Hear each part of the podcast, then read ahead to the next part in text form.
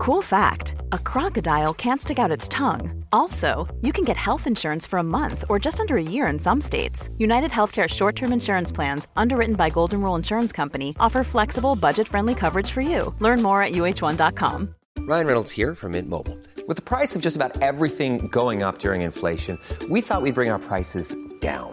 So to help us, we brought in a reverse auctioneer, which is apparently a thing. Mint Mobile unlimited premium wireless. Ready to get 30, 30, bit to get 30, bit to get 20, 20, 20, bit to get 20, 20, bit to get 15, 15, 15, 15 just 15 bucks a month. So, Give it a try at mintmobile.com slash switch. $45 upfront for three months plus taxes and fees. Promo rate for new customers for limited time. Unlimited more than 40 gigabytes per month. Slows. Full terms at mintmobile.com. Planning for your next trip? Elevate your travel style with Quince. Quince has all the jet setting essentials you'll want for your next getaway, like European linen, premium luggage options, buttery soft Italian leather bags, and so much more. And is all priced at 50 to 80% less than similar brands. Plus, Quince only works with factories that use safe and ethical manufacturing practices. Pack your bags with high-quality essentials you'll be wearing for vacations to come with Quince. Go to quince.com slash pack for free shipping and 365-day returns.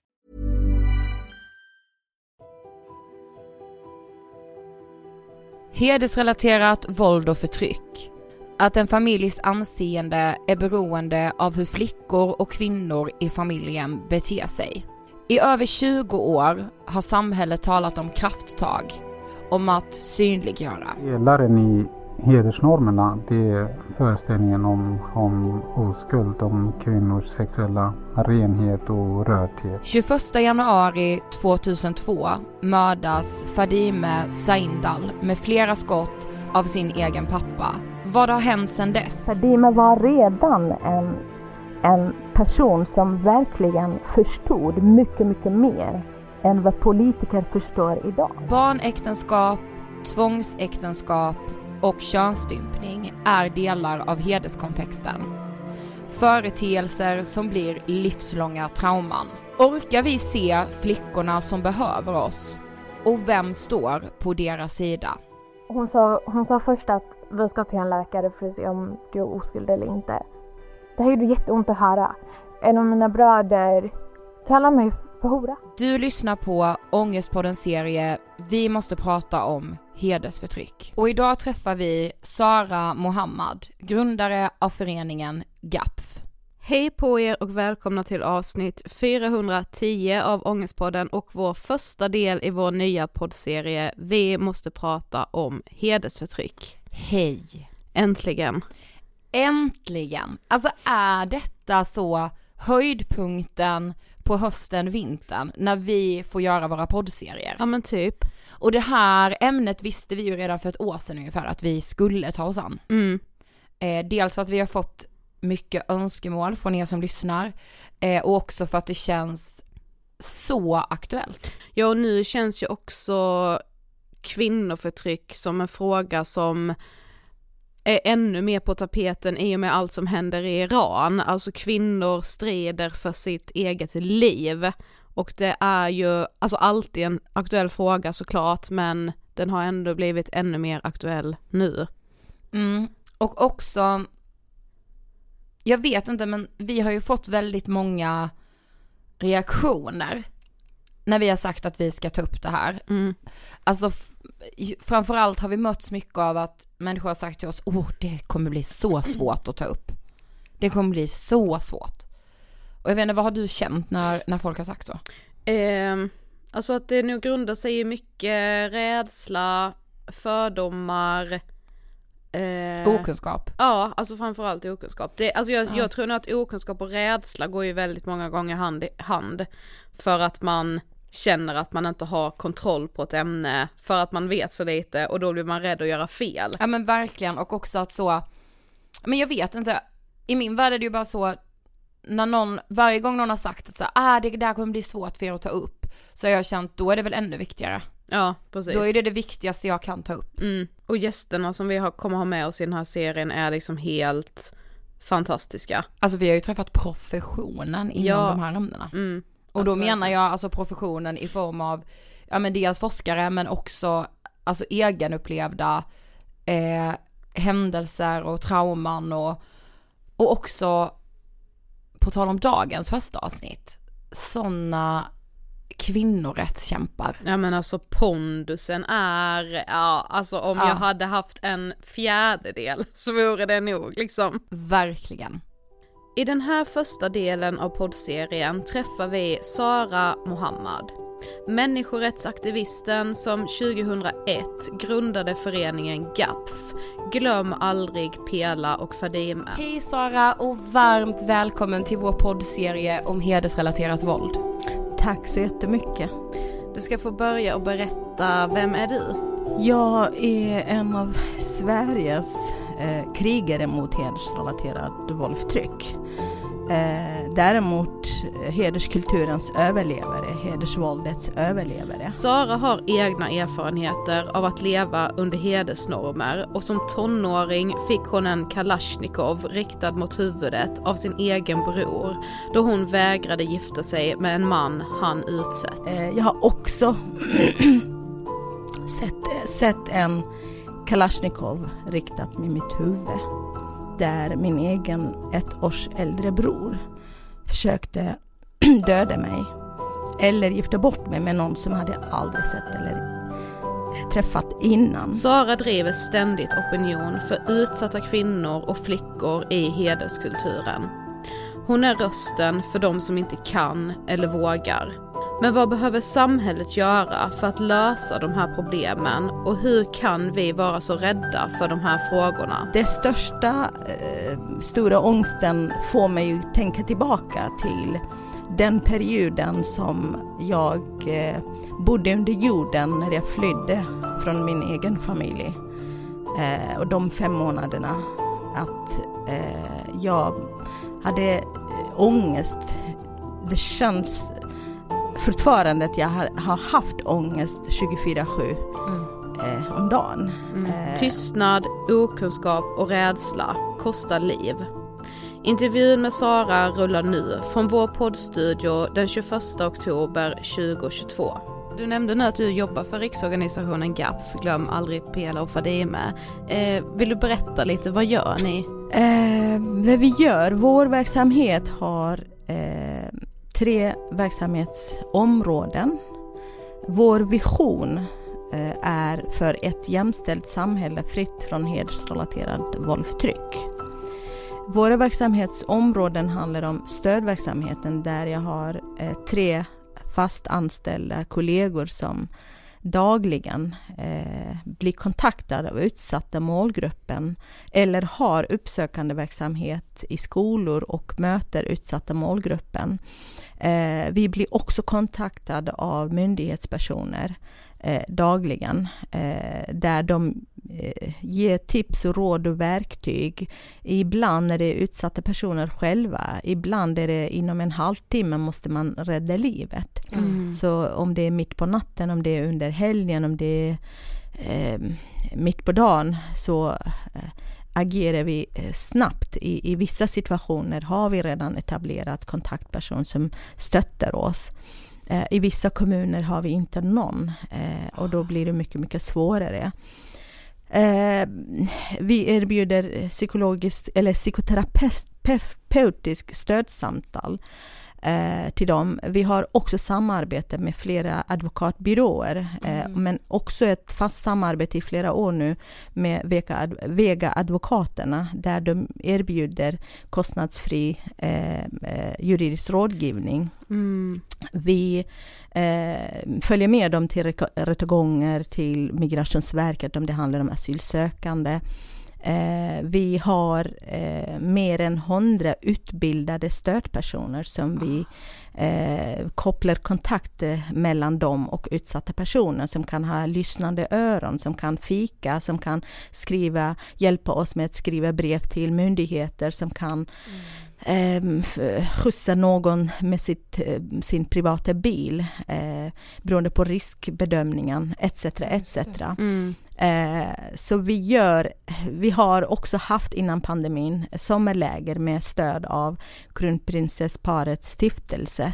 Eh, sommarläger för utsatta personer eh, med deras barn. Eh, vissa av dem har ju barn trots att de är själva unga. Mm. Eh, och det där vi bara får dem att känna friheten och lekfulla mm. stämningen. Att barnen får inte känna sig stressade, mammorna inte känner sig rädda, så att de får ha aktiviteter, fritidsaktiviteter eh, i ett par dagar.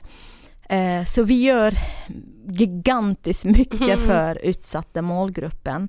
Eh, sen andra pelaren är utbildningsinsatser i förebyggande syfte.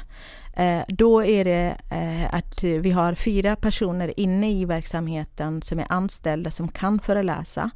Eh, en kollega, Karin Nylander, som är jurist, eh, en kollega som har skrivit första debattartikeln kritiska debattartikeln i Sverige mot kulturrelativismen. Eh, med andra ord, eh, kulturrelativistiska förhållningssättet att man tar hänsyn till delar av kulturen eller kulturer och delar av religioner även när det kommer i konflikt med mänskliga rättigheter mm. för barn och kvinnor. intressant. Eh, han föreläser om hedersrelaterad våld, skriver flera böcker om hedersrelaterad våld och förtryck. Eh, jag har en eh, kollega, Sabina Landsted. Eh, han heter Suleiman Ghasemiani. Mm. Sabina Landsted, som jag brukar säga att jag vill gärna klona henne till tio personer. som har själv en bakgrund ur hederskulturens kontext. och idag gör dagligen verkligen räddar liv och mm. gör allt vad hon kan i, sitt, i, i sin makt för att stötta och hjälpa. Eh, och, och, jag själv som, som föreläser. Sen har vi externa personer också som stöttar oss, de som har offerperspektivet. Ja. Eh, vi har alltid varit konsekvent med att ha offerperspektivet. Mm. Eh, tredje pelaren, eller tredje verksamhetsområde som vi har, är opinionsbildande aktiviteter. Där mm. det börjar med Fadima-dagarna, med Fadima-galan på Berns. Vi har haft åtta, eh, i åtta år i rad innan pandemin, internationell konferens i riksdagen. Vi har eh, haft 20 stycken kransnedläggningsceremoni vid Fadimas grav i Uppsala. Eh, och därefter har vi eh, februari, vi har en hel årsjul. Mm. Eh, internationella dagen eh, mot könsstympning, 8 mars internationella kvinnodagen. Då har vi därefter Pia Maria-dagen mellan april och Eh, juni. Maria blev hedersmördad i Landskrona eh, 23 april. Pela blev hedersmördad eh, 24 juni 1999. Maria blev hedersmördad 2012. Därefter Almedalsveckan. Vi har haft från 24 stycken eh, programpunkter till nu är det åtta stycken programpunkter. Det här året hade vi. Eh, vi har eh, haft eh, deltagande under, eh, eh, under eh, Bokmässan. Eh, vi har eh, haft eh, sedan 2012 som FN eh, eh, presenterade internationella flickdagen 11 oktober. Det här året hade vi ett event för 80 personer, in, in, eh, personlig inbjudna personer ja. med hjälp av våra eh, Goodwill-ambassadörer, årets Goodwill-ambassadörer. Eh, och därefter eh, har vi eh, Abbas Razai-dagen och därefter har vi eh, internationella dagen mot eh, våld mot kvinnor 25 november och det rullar på mm. ah. hela året med opinionsbildande aktiviteter. Ja, så viktigt ja, Det är så, alltså. ja. Men, men om man lyssnar på det här och inte känner till, vilka var Pela och Fadima? Pela var en 19-åring, eh, sprallig, duktig på matte jätte, jätteglad, modig enligt hennes lilla syra som jag har träffat flera gånger. Eh, väldigt, hade väldigt stora drömmar om sitt liv och sin framtid. Blev lurad på semesterresa i mitt födelseland. Eh, och blev eh, mördad av sina farbröder och pappa där framför ögonen på lilla syran Brinn och hennes mamma. Farbröderna fick livstidsfängelse i Sverige. Pappan är på fri fot i Irak. Visst var det så att han blev också dömd, men han blev bara dömd till sex månaders fängelse? Eh, villkorligt dum. Ja. Mm. Och Fadime? Fadime blev 26 år. Hon var redan en kämpe. Eh, jag träffade henne eh, två månader innan hon blev hedersmördad. Eh, jag blev så glad och stolt över hennes mod. Eh, vi var på en, eh, ett seminarium, eh, inte den omtalade seminarium i riksdagen Mm. utan ett en annan seminarium en kväll, måndag kväll, där Niklas Kellerman som hade organiserat det. Där kommer jag ihåg hur Kurdiska riksförbundets Ia, Kia Isol, som var ordförande, som kritiserade henne och mig och hade en tidning från Aftonbladets tidning i handen. Kolla, svenskar har också incest och svenskar också mördar sina egna eh, fruar. Eh, och att vi eh, skulle förstöra för kurdiska män i det svenska samhället med vår berättelse. Ah, okej. Eh, och då gav jag Fadime beröm. Jag var i publiken. Mm. Eh, Fadime var den som, som berättade om sin berättelse. Eh, och då, det var inte många som kände till mig heller den tiden. Eh, och då sa jag att jag är så himla stolt över dig Fadime. Du ska köra som du har gjort. Du förändrar verkligen. Du inspirerar. Eh, att jag önskade, jag önskar att fler som skulle våga berätta som dig och mig, var och en av oss som sitter här som har, kommer från de länder som, som är drabbade av hederskulturens destruktiva påverkan på deras liv, har en bok att berätta, att skriva. Eh, så samma dag vill jag också säga att som Fadime blev mördad satt han tillsammans med Mona Sahlin i en panelsamtal i, på ABF-huset. Jag var, åkte runt till olika mediahus den dagen. Jag kunde inte låta bli. Jag åkte dit och ställde frågan, hur känns det? Kommer du ihåg när du kritiserade Fadime? Eh, Oj, så jag d- reser.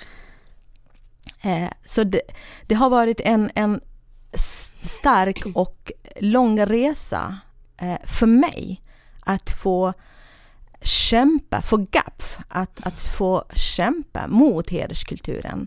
Fadime var redan en, en person som verkligen förstod mycket, mycket mer än vad politiker förstår idag. Mm. Förutom några. Eh, Fadime eh, Eh, offrade sitt liv för kärleken, för friheten. Fadime blev socionom just för att hjälpa sina medsystrar och medbröder. Eh, Fadime var så dummodig, oklokmodig att hon sa att hon ville inte ha eh, larm från polisen. För hon blev besviken för polisen. När hon gick till polisen, polisen sa till henne gå tillbaka hem och ha ett samtal med din pappa. Eh, jag förstår att det, att det är absurt att man hör det. Eh, att, att man vet inte om man ska gråta eller skratta när man hör att polis Nej. säger ha ett samtal med pappa eh, när pappa har redan hotat till livet. När det finns 71 andra pappor och, och mammor som klappar åt eh, Fadimes pappa och andra pappor som är beredda att döda sin dotter på grund av eh, för att återupprätta sin heder eller för att bevara sin heder. Eh, så Fadime var en förebild för mig redan då och har blivit en, en verkligen förebild för hela världen. När hon blev mördad, jag fick bli intervjuad av media eh, från New York Times till eh, eh Frankrikes eh, li, jag tror, eh, ja deras, eh, jag kommer inte ihåg namnet, eh, från Englands till Tysklands eh, media kom till Sverige. Och när jag hör eh, Fadimes advokat Leif Eriksson berätta om eh, hans möte med Fadime. Jag, jag håller på att gråta, blir så rörd in i själen. Eh, och han som har verkligen eh, hållit den fanan uppe sedan Fadime blev eh, mördad. Eh, han som säger hela tiden oavsett vad du säger Sara, bara säg jag gör precis Mm. vad du säger. Just, han, just, jag känner mig så hedrad och stolt över det att han vet att mitt syfte, mitt engagemang har alltid varit genuint för att eh, inte svika Fadima, men mm. också för att ha offerperspektivet för Fadimas medsystrar och medbröder. Mm. Så jag uppskattar personer, engagerade personer eh, som, som uppmärksammar den här målgruppen som, som eh, håller Fadimes vädjan om löfte att inte svika dem in i mitt hjärta. Jag är så glad och hedrad att vara här idag och, och få vara hos er och att ni tar upp den målgruppen. Och det värmer ska du veta ja. att det känns så för dig. Men jag tänkte också, visst var det så sen att Fadime blev ju skjuten av sin egen pappa? Fadime blev skjuten av sin egen pappa och det var ju också familjens kärlek till familjen som, som fick henne gå tillbaka ja. till Uppsala, träffa sin mamma, sin modiga lilla syster mm. eh, och äta sin eh, älskade mammas eh, viroger. Mm. Eh, men att, att mamman sitter i rättegången och försvarar pappan, gråter samtidigt. Eh, det ger mig ångest. Mm. Att, att en mamma inte vågar stå upp för sin egen dotter, men stå upp för en mördare. Mm. Eh, det, det, det, ger mig ångest när jag tänker på det. Mm. Eh, hon blev mördad 21 januari eh, 2002. Och vi döpte om till Glöm aldrig Pela och Fadime. För att när jag bildade organisationen, då hette Glöm aldrig Pela föreningen. Sen ah. döpte vi om till Glöm aldrig Pela och Fadime. Men du nämnde ju lite tidigare här att du själv också har egna erfarenheter av hedersförtryck eh, av din bror. Eh, men vill du berätta lite, hur såg ditt liv ut? ja, jag kommer från eh, södra Kurdistan, eh, irakiska delen då. Eh, från en ganska rik familj, men ganska traditionell och religiös familj. Mm. Mamma var rädd för Gud varenda sekund av hennes liv. Pappa var mer öppen. Han ville gärna testa gränser. Han hade vågat flytta från byn till stan. Han ville bli affärsman som han blev. Han eh, ville verkligen lära sig av sina misstag. Han var inte världens ängel från början, men han lärde sig av en kusin som hade flytt från bröllopsdagen hem till oss. Men de hade döpt det här, att hon har flytt på bröllopsdagen hem till oss med att han hade övertygat med, med påtryckningar, påtryckningar av min mamma. Att vi kommer, hon kommer att dra skam över oss, du måste skicka tillbaka till henne till bröllopsfesten etc. etc. Men då hade de skickat någon man att den skulle informera att bilarna skulle komma hem till oss och att hon skulle bli bli flyttad från, från sin mor, morbror eh, hem till den här festen, eh, bröllopsfesten, så att man inte märker att hon har flytt eh, från det här okay. eh, bröllopen. Mm. Och samma kvinna eh, har fått, samma kusin har fått sju döttrar. Efter tredje dottern, hon har fått spott på ansiktet av sin man som hon ville inte gifta sig med, som hon kände sig våldtagen. Eh, och därefter eh, fick hon två söner efter sjunde barnet, då hennes status gick upp igen.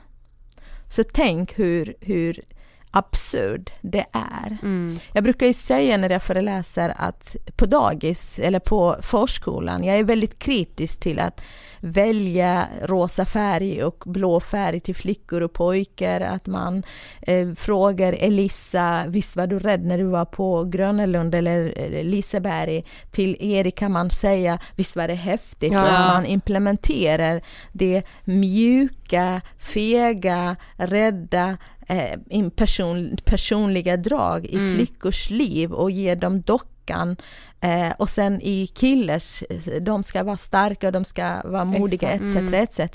Men inom hederskulturen är det plus lite till. Ja. Och lite till kan handla om att redan när du är i mammas maga är det ett misslyckande att du är en flicka.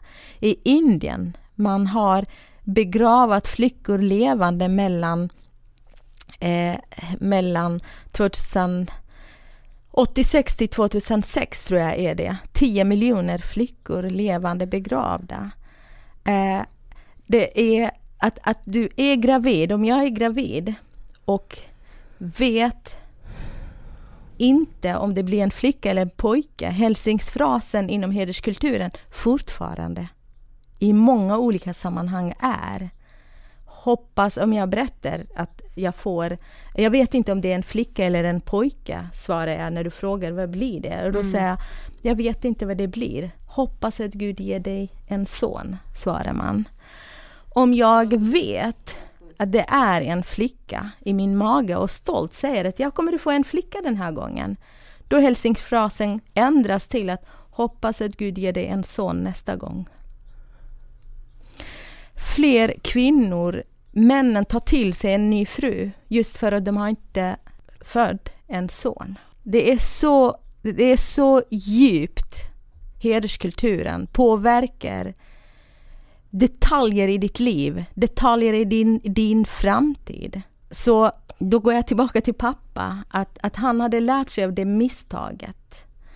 Medan mamma var jättetraditionell. Och det var ju också stort påtryckning och ansvar att hon skulle kunna vara, uppfostra fina flickor inom parentes. Mm. Det var hennes uppgift att vi skulle inte vara uppkäftiga, självständiga, eh, enligt henne uppkäftiga i själva verket, självständiga, eh, självständiga i ekonomin, självständiga i att få ta plats i samhället, självständiga i, på arbetsmarknaden, Mm. ett ställe, ett, etc. etc. Eh, att hon ville gärna göra gudarna glad och också omgivningen som hade ett tryck på henne, Mm. som hade förväntningar på henne som mamma inom hederskulturen. Mm. Jag har kritiserat mamma även efter det när vi pratade med varandra om att hon hade ju hon hade inte lagarna på sin sida men hon hade pappa på sin sida. Hon kunde verkligen vara snällare mot oss. Men jag har större förståelse för henne för det var ju alltid ständigt konflikt mellan mig och mamma, särskilt under tonårsperioden. Jag hatade min mamma på riktigt. Och jag, jag tappade verkligen totalt tillit till min mamma när hon lurade mig till könsstympningen. Och tänk dig, ett litet barn förlorar tillit till sin egen mamma som borde vara tryggaste famnen i världen. Hon tog mig till bekanten så att jag skulle leka med bekantens dotter. Mm. Helt plötsligt kom vi fram till dörren och helt plötsligt de tog tag i oss Mm. som små fåglar i deras stora händer och Mm. könsstympade mig framför henne och henne framför mig, mina ögon.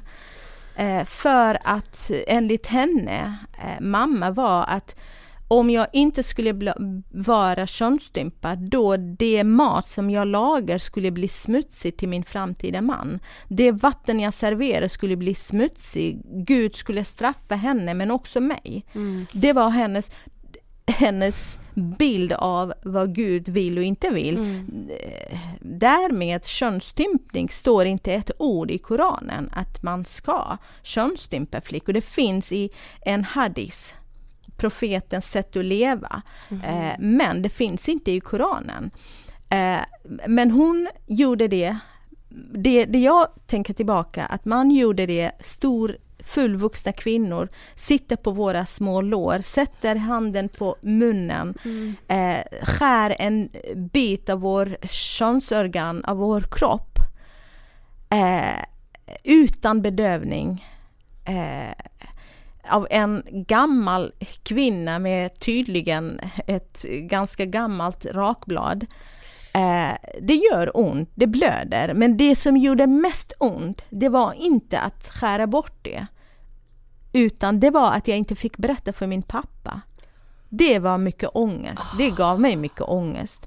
att inte få berätta för honom, för hade jag ont i huvudet, axeln, handen, benen, det skulle jag absolut berätta, men allt med könsorganet att göra på flickor är skamligt. Man får inte berätta om det. Jag fick inte berätta att jag har ont. Tänk dig att du sitter hemma och sen Nej, men, du, ja. du håller på att kvävas av, av smärtan men inte får berätta för pappa. Mm. Som pappa som var lekfull, pappa som var omtänksam, pappa var, som var hjälpsam. Han skulle direkt ta mig till sjukhuset. Eh, men det gjorde tusen gånger mer ont i hjärtat när jag hörde flera år senare i Sverige via Sveriges Radio en forskare sitter framför mikrofonen och säger att kriminalisering av könsstympning i Sverige är diskriminering mot invandrare. Jag kommer aldrig förstå på vilket sätt är diskriminering mot just invandrarflickor som samhället tar, tar verkligen ställning och stöttar och räddar liv. Som samhället hjälper det, det psykiska trauman och det, det fysiska Mm. övergreppet och, och, och dennas liv och framtid. Ja, Jag kommer hur kan aldrig inte det förstå. stå överst liksom? Alltså det är... Och det är det som är kulturrelativistiska förhållningssätt Mm. till andra kulturer och andra religioner. Men om vi rent konkret då, alltså vad är hedersrelaterat förtryck? Hur beskriver man det liksom? Eh, As- Astrid Schlytter har eh, citerat så här att eh, allt som flickor, kvinnor och unga pojkar vill göra som de inte får göra. Allt som de inte vill göra som de är tvungna att göra. Och sen har jag lagt till ett lit, litet ord. Om man inte lyssnar, om man inte lyder kan få förödande konsekvenser såsom sitt eget liv. Eh, själva heder samlas kring oskuldsideal och kyskhetsidealen. Oskuldsideal handlar om mödomshinnan som inte finns. Mm. Alltså 70% inte blödet på bröllopsnatten men det finns fortfarande krav på beviset att man har inte haft sex innan äktenskapet. Just för att åter, för att bevara mäns heder. För att om det, det kommer ut att du har haft sex och att du har eh, eh, haft kärlek ibland bara blotta misstanken att du kan ha haft sex kan du dra skam över din familj, fa- manliga familjemedlemmar. Och då deras uppgift blir att döda dig för att återupprätta sin heder. Oskuldsidealen kräver att man måste kontrollera, begränsa och trakassera flickors vardag som vi har i det svenska samhället som är tydliga signaler som vi kommer till senare. När det handlar om kyskhetskulturen handlar det om avhållsamma kvinnor där det förväntas att de ska förhålla sig till hederskulturens normer och värderingar och ramar runt omkring dem. Med att skuldbelägga dem, med att pressa dem, med att uppfostra också eh, fina flickor och heders eh, våldskap, eh, våldsutövare pojkar i, i längden i framtiden. Eh, det handlar om att kvinnor ska stanna kvar hos sin man även om de känner sig våldtagna av sina egna man. Kvinnor får inte bestämma om de vill skaffa barn eller inte. De måste skaffa barn och barnen måste det vara pojkar i första hand. Eh, kvinnor som i många olika länder inte får resa ensam eller får resa utan mannens tillåtelse. Det, det finns ju så många olika, olika begränsningar och kontroll och eh, eh, applicering av normer och värderingar som, som kväver individens fri och rättigheter. Mm. Så det handlar om oskuld, det handlar om kyskhet. Mm. Kvinnans kön är det centrala för mäns heder. Kvinnans kön blir den farligaste delen av henne, blir en, eh, viktigaste delen av henne blir den smutsigaste delen av henne. Ah. Kvinnans kön och sexualitet är fara för samhället enligt hederskulturens normer. Det är hon med hennes kurvor, det är hon med hennes vackra hår som kan påverka männen att de blir upphetsade. Det är också respektlöst mot männen. Vilka varelser är de? Att Ja. de ska hoppa på axlarna på mig när jag har vackra håret, när Exakt, jag ja. har kort eller lång kjol på mig, när jag har tight eller bred byxa på mig. Mm. Det är en värld där könsdiskriminering och eh, könsseparation är normen. Eh, det är det som det handlar om. Eh, hedersnormer och hedersvåld. Eh, våld. Eh, eh, kvinnans kön, kvinnans sexualitet. Eh, och mödomshinnan eh, är den eh, viktigaste för dig och för ditt liv. Det kan kosta ditt liv även om du blir våldtagen. Eh, inom metoo, jag kritiserade dåvarande Åsa Regnér som var jämställdhetsministern för att med all glädje hela världen pratade om eh, sexuella trakasserier på alla möjliga arbetsplatser, inne i samhället etc. etc. Men det fanns inte ett enda ord om hederskulturens producering av eh, metoo, eh, flickor och kvinnor som inte har vågat att berätta.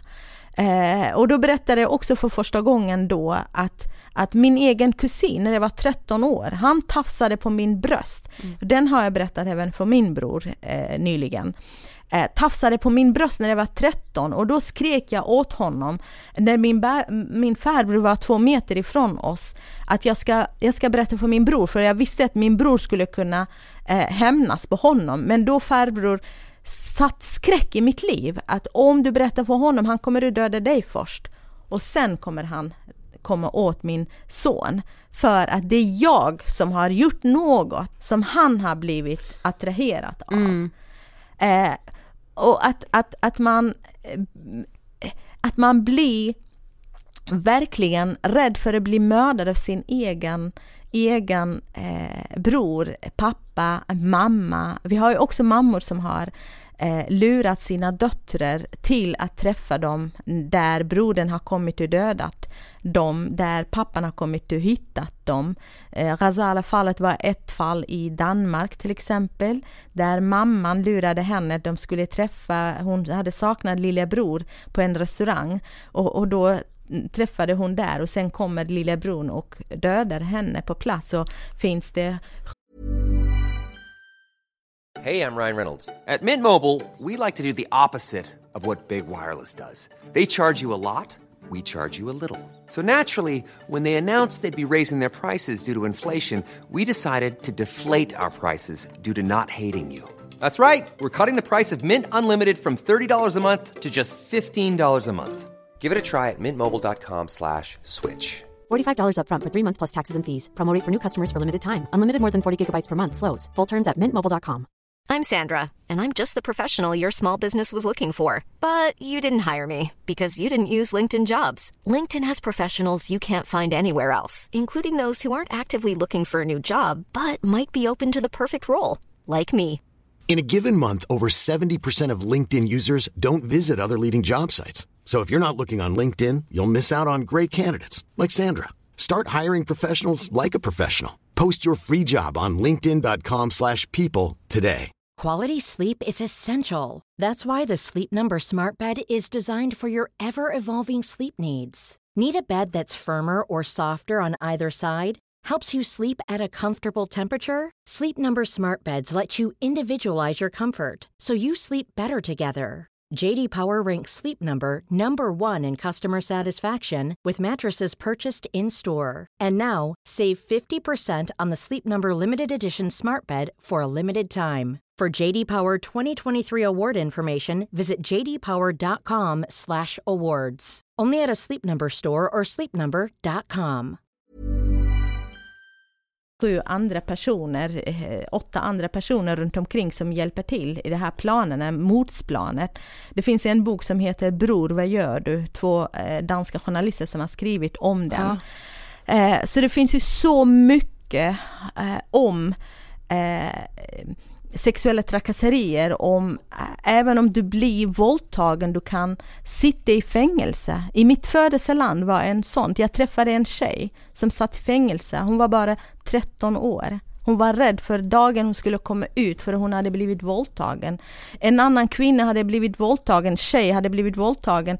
Hon blev mördad samma dag när hon blev fri från fängelset, när hon, hon kom ut ur fängelset. Ni kanske har sett en tv-program, reportage eh, från eh, Afghanistan, eh, Nima Nima Servestani har gjort det här reportagefilmen eh, från Afghanistan där afghanska flickor och kvinnor sitter i fängelse, de känner sig friare i fängelse. Ja, mm. eh, den ena har gift sig med sin egen vilja, den andra har blivit våldtagen, den tredje har velat skilja sig, den fjärde har velat och eh, vägrat att gifta sig med en äldre man.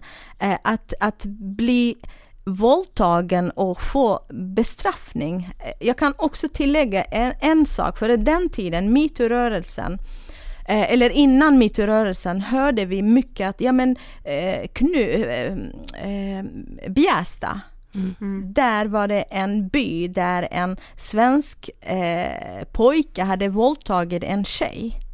Eh, I 17 år tror jag han var och hon var 15 år. Hela byn eh, hjälpte pojken. Hon, han hade sin, sin eh, han hade sin eh, eh gymnasiefest, vad heter det? Studentfest, Studentfest ja. i kyrkan. Han, han fick ju stöd av hela byn mm. medan eh, byn eh, riktade kritik mot flickan. Eh, och, och då brukar jag säga om flickan, den här flickan, hade varit i en, eh, från en familj där de hade implementerat hedersrelaterad våld och förtryck, där de hade kommit från hederskulturland och implementerat, för det behöver inte, alla är, implementerar inte hedersrelaterad våld och förtryck, så jag vill ju gärna vara tydlig. Eh, hon skulle Absolut, det blir också det plus lite till. Mm. Skulle absolut få, få kritik från, från byn, ha hela byn mot sig. Men de enda som hjälpte den här svenska flickan var hennes egen familj och en kompis. Den här invandrarflickan skulle ha hela byn mot sig. Kyrkan eller moskén mot sig. Och hon hade sina familjemedlemmar som farligaste för henne. Ja. De hade inte hjälpt henne. Nej. Så Nej, det är de så mycket liksom. stor skillnad mm. med vilka värderingar man har och hur mycket, vilken ställning man har till att skydda barnet eller verkligen döda barnet. Mm. Men hur vanligt är det då med hedersrelaterat förtryck i Sverige, vet man det? Det har gjorts en del kartläggningar men inte ett, ett um, ett större övergripande kartläggning. En kartläggning gjordes 2009. Eh, eh, de hette Ungdomsstyrelsen den tiden, som heter MUFS idag. Mm. Då handlade det om 70 000 ungdomar eh, mellan 15 och 25 år den tiden eh, som var oroliga att bli bortgifta mot sin vilja. 70 000 ungdomar som inte vågade tro att de kan bestämma över sin livspartner i framtiden. Ja. 8 500 av dem var oroliga över att eh, bli bortgifta mot sin vilja.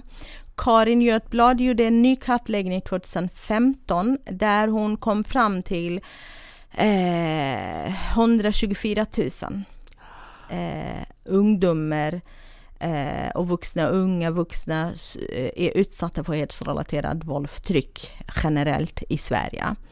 Eh, Socialstyrelsen har gjort en beräkning utifrån de folk som har kommit från olika länder och över 50 procent av befolkningen eller flickor och kvinnor är könsstympade i de länder som man har kommit ifrån. Mm. Eh, beräkningen är att det är ungefär 40 000 eh, kvinnor och flickor är eh, könsstympade eh, som bor i Sverige. Eh, och, och det här är också absurt när man tänker på eh, att vi har kriminaliserat könsstympning sedan 1982. Eh, och idag är det 2022. Under 40 år. Kan ni gissa hur många fällande dummer vi har? Ja, alltså skrämmande lite. Fyra stycken. Ja men alltså. Alltså herregud. Ja. Och det också handlar om kulturrelativistiska förhållningssätt. Att man blundar för invandrare, flickor och kvinnors hälsa för att inte stigmatisera kollektivet. Men alltså vi tänkte det, alltså vi pratade om det nu när vi liksom gjorde den här intervjun och inför arbetet med den här serien. Alltså hur, vad ska man säga, hur är liksom det svenska samhället, hur hanterar det svenska samhället det här? Är vi rustade för att möta och hjälpa kvinnor som lever i det här hedersförtrycket? När det gäller, det, det, det finns ju på tre olika planer tänker jag. Ja. När det gäller eh, regeringen och lagstiftningen. Eh, det är inte tillräckligt men det finns gott om skärpta lagar. Okay. Särskilt senaste fyra fem åren. Så vi har lyckats att skärpa en del lagar. När det kommer till myndigheter och kommunnivå implementeras de, de här lagarna? Det gör de inte. När det kommer till lägre nivå, som är den viktigaste nivån, hur man möter utsatta, vilka signaler man hör, ser, eh, hur man, vad gör man med signalerna? Där är ju en hel del problem vi ser.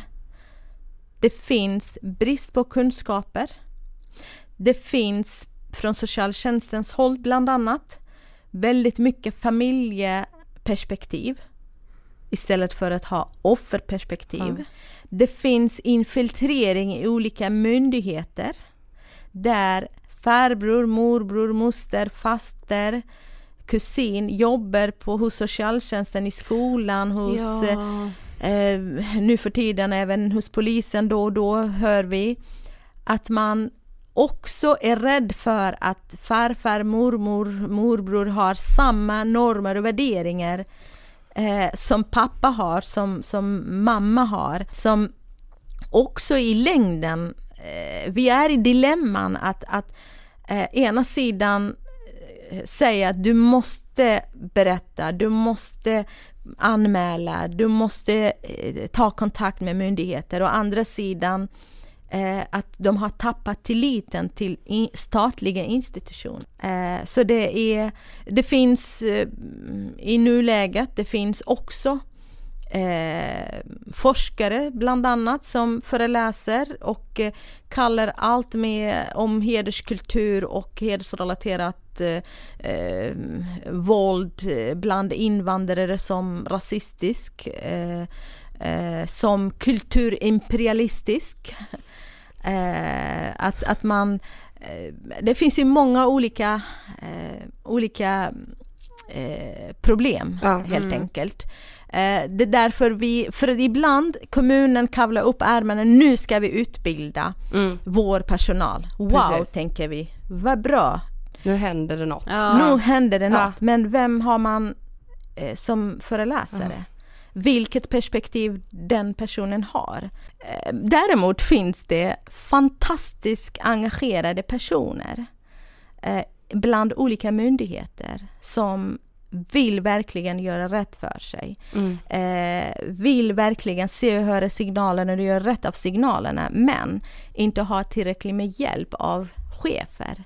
Så då måste vi också sätta fokus på chefers makt och chefers resurser eh, för att implementera eh, kunskaperna om hedersrelaterad våldförtryck. Eh, just nu till exempel eh, Skolverket med mm. massa men om har de verkligen tillsatt eh, kunskaper om hedersrelaterad våldförtryck i läroplanen.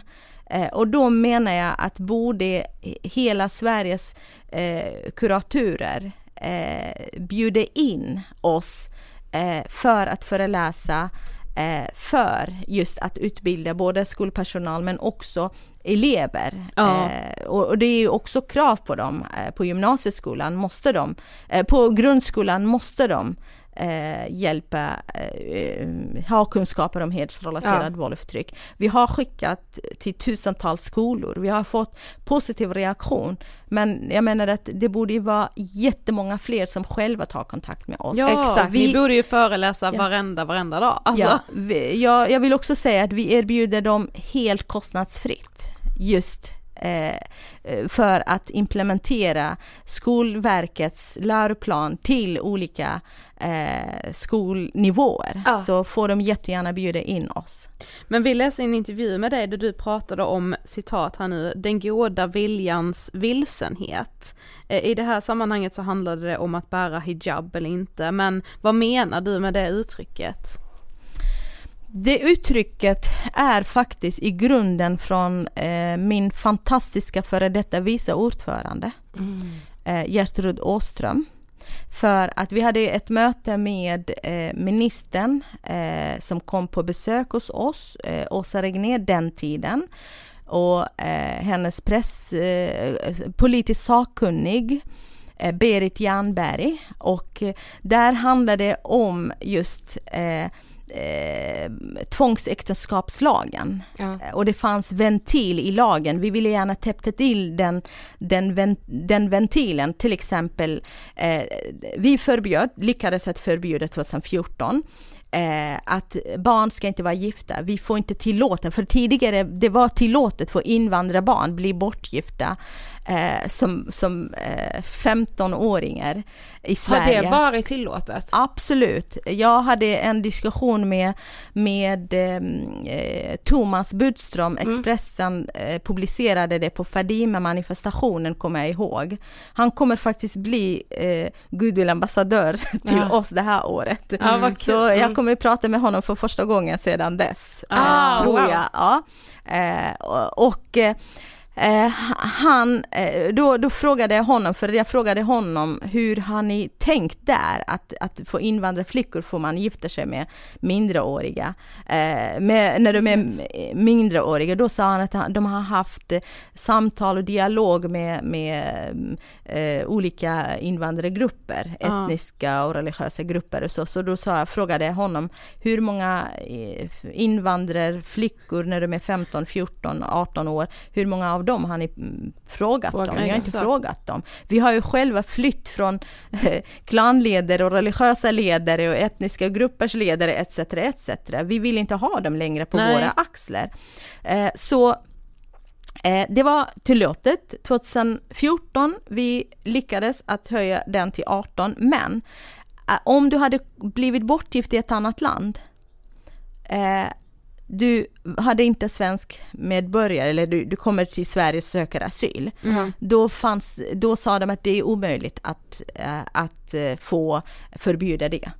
Eh, För att det är andra regler och internationella privaträtten och etc. etc. Men vi lyckades och eh, också täppte till med att även om du är gift i ett annat land, då kommer du till Sverige, då är det svensk lag som gäller. Alltså då Punkt gäller inte äktenskapet i Sverige, Precis ja. Ja. Och sen Berit Jernberg måste jag säga, för hon jobbar just nu hos eh, Jämställdhetsmyndigheten idag, Mhm, är chefs, avdelningschef där. Eh, så hon menade, eh, men tänk om två, två 17-åringar eh, som kommer hit och vill jättegärna vara med varandra och eh, vill ha, eh, är kära i varandra, vill ha sex med varandra. Och, eh, så då menade hon att eh, det är, vi måste ta hänsyn till det än att förbjuda, säga rakt att eh, förbjuda totalt. Och, och då sa, sa min vice ordförande, det här är ju råttan i pissan, sa hon. det är exakt det, att, att, att eh, ta hänsyn till ena och andra så det blir ingenting kvar. Så Exakt. sen, sen pratade vi, diskuterade vi det här tillsammans därefter.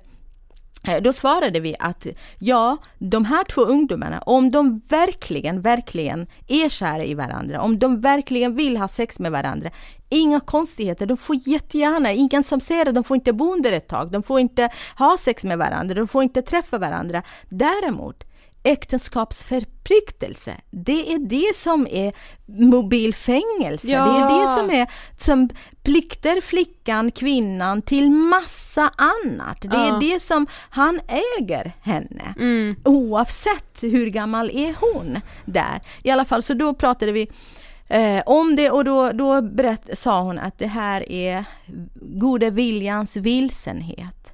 Att man inte har förstått Mm.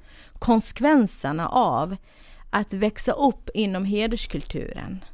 Att egen vilja blir ju, är ju i själva verket är ju kollektivets vilja, Ja. familjens vilja i första hand. Och att vi tror att alla som säger att vi är måna om barnens rättigheter och de får gärna, för det, det blev ju sån diskussion också den tiden, men hur ska vi göra om de ungdomar, de vill ju gärna vara med varandra, bara en liten lapp att de ska vara gifta med varandra, någon imam ska skriva under något eller någon eh, rabbin eller någon präst ska skriva under något papper. Ja. Ja men det där lilla pappret, det är precis det som får henne betraktas som att hon är egodel till honom. Exakt. Ja, precis. Men, men så här, det här har vi tyckt varit intressant när vi har berättat för folk i liksom mediebranschen och när vi har berättat för vänner och så här, att vi ska göra den här Alla vi poddserien. har pratat med egentligen. Typ alla. Ja. Då har de sagt så här. Åh nej, ska ni ta upp hedersrelaterat? Oj, vilka svåra frågor. Ni får akta så ni inte blir kallade rasister. Exakt. Varför tror du, alltså varför säger man så till Varför oss? är det som beröringsskräck? Ja, liksom? den här beröringsskräcken. Vi har ju mer tänkt, det här är jätteviktigt, många unga tjejer har önskat att vi ska ta upp det här, varför ska vi inte göra det? Men alla vi har sagt att vi ska göra det till Mm. har sagt, ni kommer bli kallade rasister, ni kommer, och alltså vad tänker du om det? Alltså för det första tänker jag att om det skulle handla om rasism, då är det omvänd rasism. Att man inte bryr sig om invandrare, flickor och kvinnors rättigheter i det svenska samhället. Man ska aldrig köpa det förbrukade kortet. Om det skulle handla om eh, muslim och hat, då skulle ni reagera. Men det här islamofobikortet, mm man har producerat det just i syfte att tysta ner mig, tysta ner mina, mina medsystrar och bröder, tysta ner svenskar som inte har kunskap om he- hederskulturen och religiösa normer och värderingar som har kryddat hederskulturen ännu mer. För att hederskulturen har ju funnits långt innan olika religioner. Ja. Olika religioner har ju kommit för att cementera och eh, sanktionera hederskulturen. Mm. Eh, så det här missbrukade rasistkortet och islamofobikortet, det ska ni inte gå igång på. Det är expert date på för, för 30 år sedan för mig, Ja. redan då. Till och med en gång, jag har kallat mig för islamofob en gång, eh, bara för att avdramatisera den. Eh, men jag fick kritik av mina närmaste, både eh, Astrid Schlytter som är forskare, forskat vid Stockholms universitet, Devin Rexvid som har forskat vid, vid eh, Stockholms universitet, eh, ringde mig och sa Sara, det här för, jag jag har ju fortfarande svårt för vissa ord. Mm. Eh, mitt ordförråd är inte så jättebred. Det är ju självklart, jag har ju kommit till Sverige när jag var vuxen. Eh, men då sa de att din rädsla, det är inte islamofobi. Du har ju, du har ju en realistisk rädsla för islam. Mm. Jag är rädd för sharia-lagar. Jag är rädd att islam ska få makten. Jag är rädd för eh, om kristendomen med gamla testamentet ska få makten igen. Kristendomen har inte heller varit eh, milda, snälla Nej. änglar mot kvinnor i, det, i varken svenska samhället Nej, eller i, inte. i västvärlden. Mm. Man har ju bränt kvinnor på bål för 400-500 år sedan. Mm. Eh, under häx, namnet häxor etc. etc. Kristendomen gör i flera olika länder, nyligen eh, hörde jag på, i en tv-reportage eller nyhet att att man, eh, man misshandlar eh, små barn eh, under namnet eh, häxor i, i vissa byar i Afrika.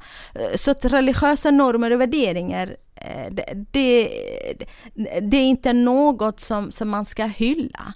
Men det beror på om man använder sin religion på det privata planet som min egen pappa gjorde. Mm. Han var muslim, han åkte till Mecka, han eh, fastade fem, eh, en hel månad. Han var inte hedersförtryckare. Han ville gärna se omvärlden, han ville gärna, han lärde sig först av sina misstag. Mm. Han ville verkligen eh, utvecklas. Han stod upp för mig med sitt liv som insats även efter att jag kom hem från, från det där eh, fem månaders underjordresan eh, helt ensam, som ensammast i världen med massa ångest.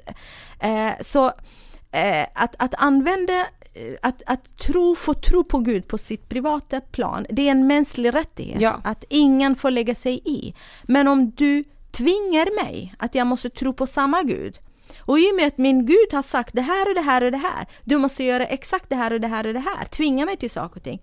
Då är det långt ifrån att du tror på det privata planet. Ja. Då är det att du implementerar religiösa normer och värderingar i människors, individens fri och rättigheter.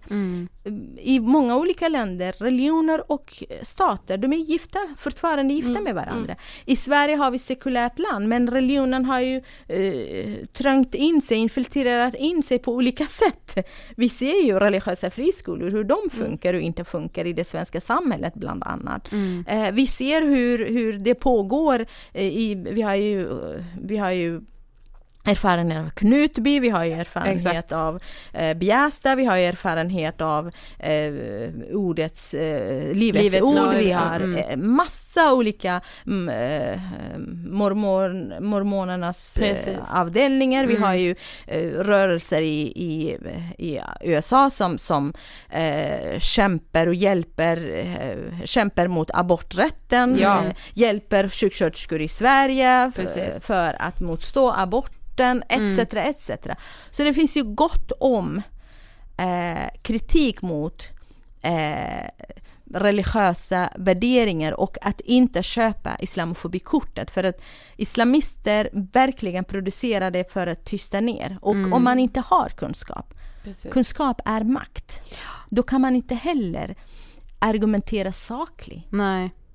Men om vi bara då ska eh, liksom lite konkret, vad kan man leta efter för signaler eller vilka signaler ska man vara uppmärksam på som kanske kompis eller lärare eller kollega, vad det nu än kan vara. Signalerna är avancerade på ett sätt för att ett enda signal räcker inte för att man ska tro att det här är konkret lever under hedersrelaterat våldtäkt. För att eh, om flickan inte får gå till någon fritidsaktivitet det kan hända att familjen har 71 argument att flickan kanske har någon sjukdom som flickan, familjen har inte velat berätta för Mm. skolan. Det kan hända att eh, de har eh, planer, andra planer utom... Alltså alltså det finns ju massa Ja. andra argument att Mm. man inte får. Men om en, fli, en flicka som inte får gå till fritidsaktivitet måste skynda sig hem direkt från skolan får inte gå till sexualundervisning, får inte gå till eh, gymnastiken, kanske blir sjukskriven, eh, sjuk ena dagen och andra dagen kommer sent till skolan och inte hinner. Eh, med massa argument varje gång, inte får gå till eh, musiklektionen. Eh, för att det är inte så heller att alla flickor som inte får gå till musik, musiklektionen kan ha andra. Det kan eh, vara så att man får gå till simlektion, musiklektion, men man får absolut inte ha eh, pojkvän. Man får definitivt inte ha, eh, gifte, eh, ha sex innan äktenskapet till exempel. Så att, att man inte får ha eh, killkompisar, inte ha tjejkompisar, inte få eh, klä sig som man vill, eh, inte få tvingas till hijab till exempel. Eh, Devin Rexvid brukar säga att alla som inte har hijab är inte fria från hedersrelaterad Nej. våldtäkt. Mm. Men alla som lever med hijab har, lever under hedersrelaterad våldsförtryck. Eh, och det innebär att hi, även om du själv inom parentes väljer att ha hijab Det finns 71 andra saker som kommer med vem är en hijabist? Mm. En hijabist är en fin, ren flicka, aldrig har sex innan äktenskapet. Aldrig.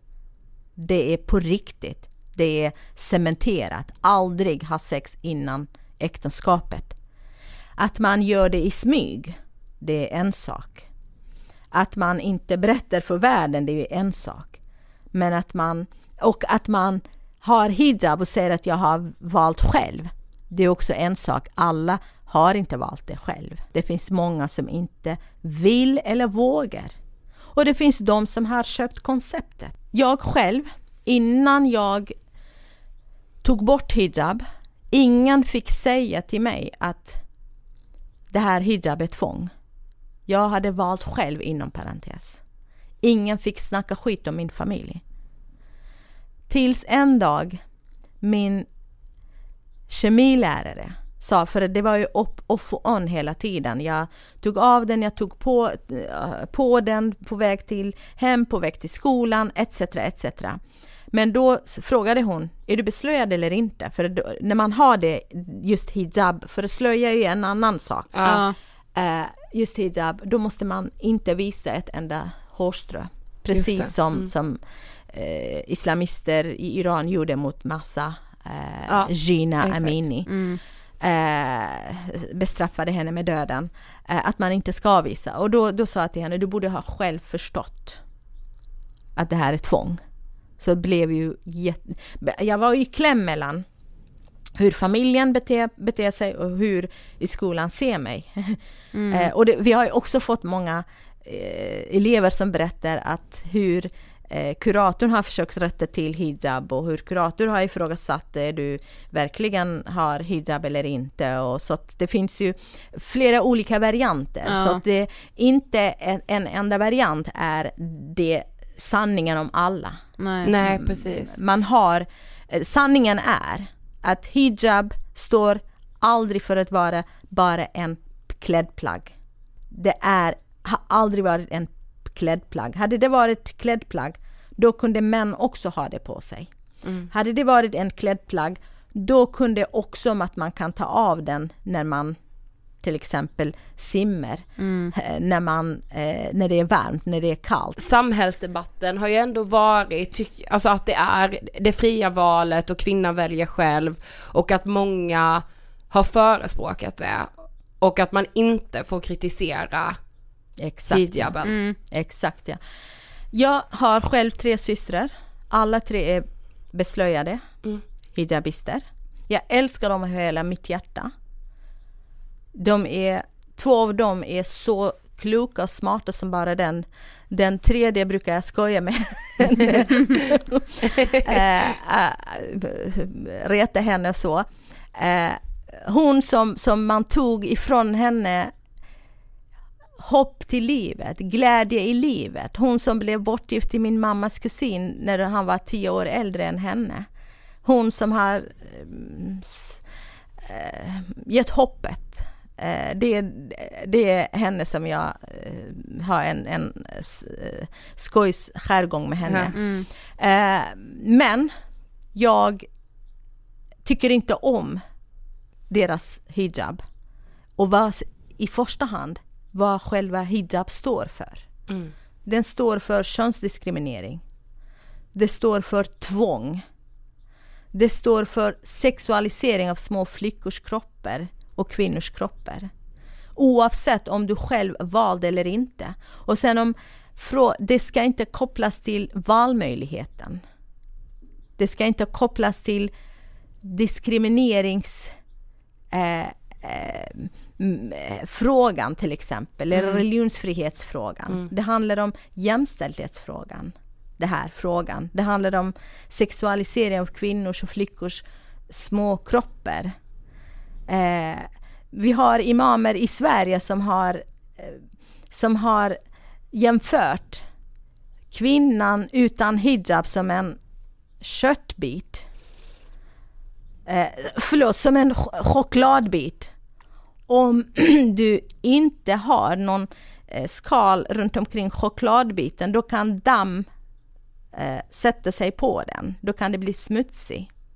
Om du har inpackat choklad, eh, då är det rent och fint. Mm. Eh, vi har imam i mitt födelseland som har jämfört eh, obeslöjade flickor och kvinnor som köttbit. Om du har hijab då är du täckt och rent. Om du inte har hijab då kan eh, flugor komma och sätta sig på köttbiten. Eh, vi har imam som har eh, i Youtube-kanal eh, eh, Youtube-klipp har jag sett där man berättar att eh, alltså så, så mycket, alltså en annan imam om, om, eh, inte om just hijab, men om att varför kvinnan får inte köra bil. Varför är det bäst för kvinnan inte köra bil? Eh, just för att om kvinnan kör bil i, på landsvägen, hon kan råka för bilolycka, hon kan, bilen kan välta, hon kan ligga i sin blodbad. Och tänk dig att en man, en hungrig man kommer och passerar och ser att en kvinna ligger där och kan våldta henne enligt imamen. Och tänk vilken värld man vill få oss, vilken fantasivärld man har. Att ja. mannen som passerar ser en kvinna i blodbadet. Eh, istället för att medmänskligheten berör hans hjärta och hjälper henne.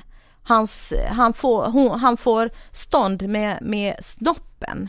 Att få våldta helt... henne. Det är helt absurt. Ja, vad är det för verklighetsbild? Alltså... Eh, och det, det, står inte heller i någon koran att man Nej. inte får köra bil till Nej. exempel. Så att, den världen som de religiösa normer och värderingar, religiösa ledare vill skapa åt oss. Jag vill aldrig eh, vara i den världen, jag vill motverka den världen. Men jag tänker, alltså vad är dina drivkrafter? Man hör ju det när du pratar, men jag vill liksom vara så, vad är det som driver dig varje dag att gå upp och jobba med de här frågorna? Eh, min drivkraft dels kommer från den dagen som jag flydde på bröllopsdagen. Under burkan som jag lånade av en granne för att jag skulle inte bli igenkänd. För att eh, åka till utkanten av staden och dränka mig. Eh, eh och på vägen dit eh, med dundrande hjärtat, dunkande hjärtat när jag passerade tvärgatan till moskén för min bror och farbror och eh, klanledaren och imamer var i moskén. De skulle ju be och sen komma tillbaka hem till oss och förrätta vigsel mellan mig och mannen. Eh, och passerade då eh, tänkte jag att min kusin, hon är ju syssling men jag har ju alltid sagt kurdisk kusin. Mm. Eh, hon hade berättat för mig, en granne och fysikläraren hade berättat för mig att de kan ställa upp för mig när det blir sista droppen för mig, när det hade hållit fasaden, när det hade ah. varit tyst. Eh, och då sa hon till mig, just den kusinen, att eh, det kommer att bli din tur. Jag ser signaler, jag hör signaler. Eh, och när det blir din tur så kan du höra av dig till mig. Jag kan hjälpa dig. Så då bytte jag väg till hennes arbetsplats istället för att begå självmord. Så gick jag till henne och på vägen dit gav jag mig ett löfte. Om jag överlever den här gången kommer jag kämpa för flickors rättigheter i min situation hela mitt liv. Min drivkraft kommer också från den kärleken, den tryggheten jag har kunnat ge till mina barn och har fått så mycket tillbaka av klokhet. Ja, det gör verkligen ont i mitt hjärta när jag tänker på föräldrar som tar kontakt med oss eller barn som tar kontakt med oss och tror att det, det är bra, kanske no, några av dem, inte alla. Majoriteten av dem inte vågar. Kan vi ha ett samtal med föräldrarna? Att, att de inte lyckas få kärlek eh, att de missar så mycket i sitt liv. Mm. Att uppfostra med hat och hot, uppfostra med våld. Och sen, det är ju så, vad du eh, odlar, du får det tillbaka. Ja, precis. Mm. Eh, min drivkraft kommer också från tusentals, miljontals flickor och pojkar och kvinnor som dagligen kämpar för att frigöra sig hederskulturens eh, normer och värderingar. Min drivkraft uppdateras och får ännu mer näring när jag ser modiga kvinnor och män i Iran som kämpar mot en könsapartheidregim i Iran, mot hijabtvånget.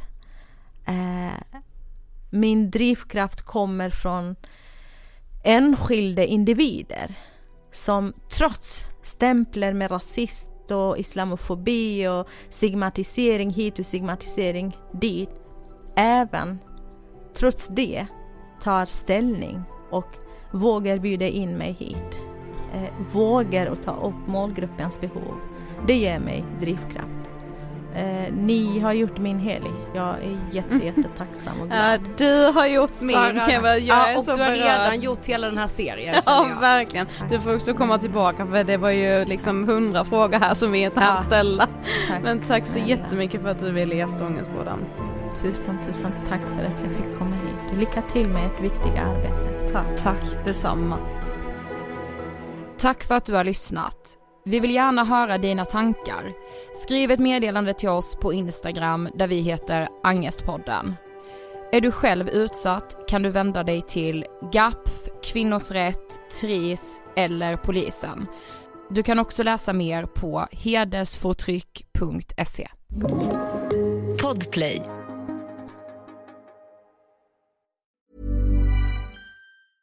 Hey, it's Paige DeSorbo from Giggly Squad. High quality fashion without the price tag. Say hello to Quince. I'm snagging high-end essentials like cozy cashmere sweaters, sleek leather jackets, fine jewelry, and so much more. With Quince being 50 to 80% less than similar brands. And they partner with factories that prioritize safe, ethical, and responsible manufacturing. I love that. Luxury quality within reach. Go to quince.com slash style to get free shipping and 365 day returns on your next order. Quince.com slash style. Okay, I have two new obsessions that I need to share with you. Impress No Glue Press On Manis and Impress Press On Falsies Lashes. Trust me, these are getting ready game changers. Both require no glue, so there is no damage to your natural nails and lashes, no mess, and no annoying dry times.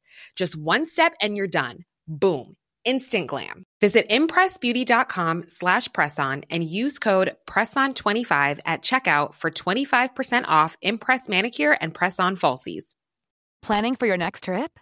Elevate your travel style with Quince. Quince has all the jet setting essentials you'll want for your next getaway, like European linen, premium luggage options, buttery soft Italian leather bags, and so much more. And is all priced at 50 to 80% less than similar brands. Plus, Quince only works with factories that use safe and ethical manufacturing practices.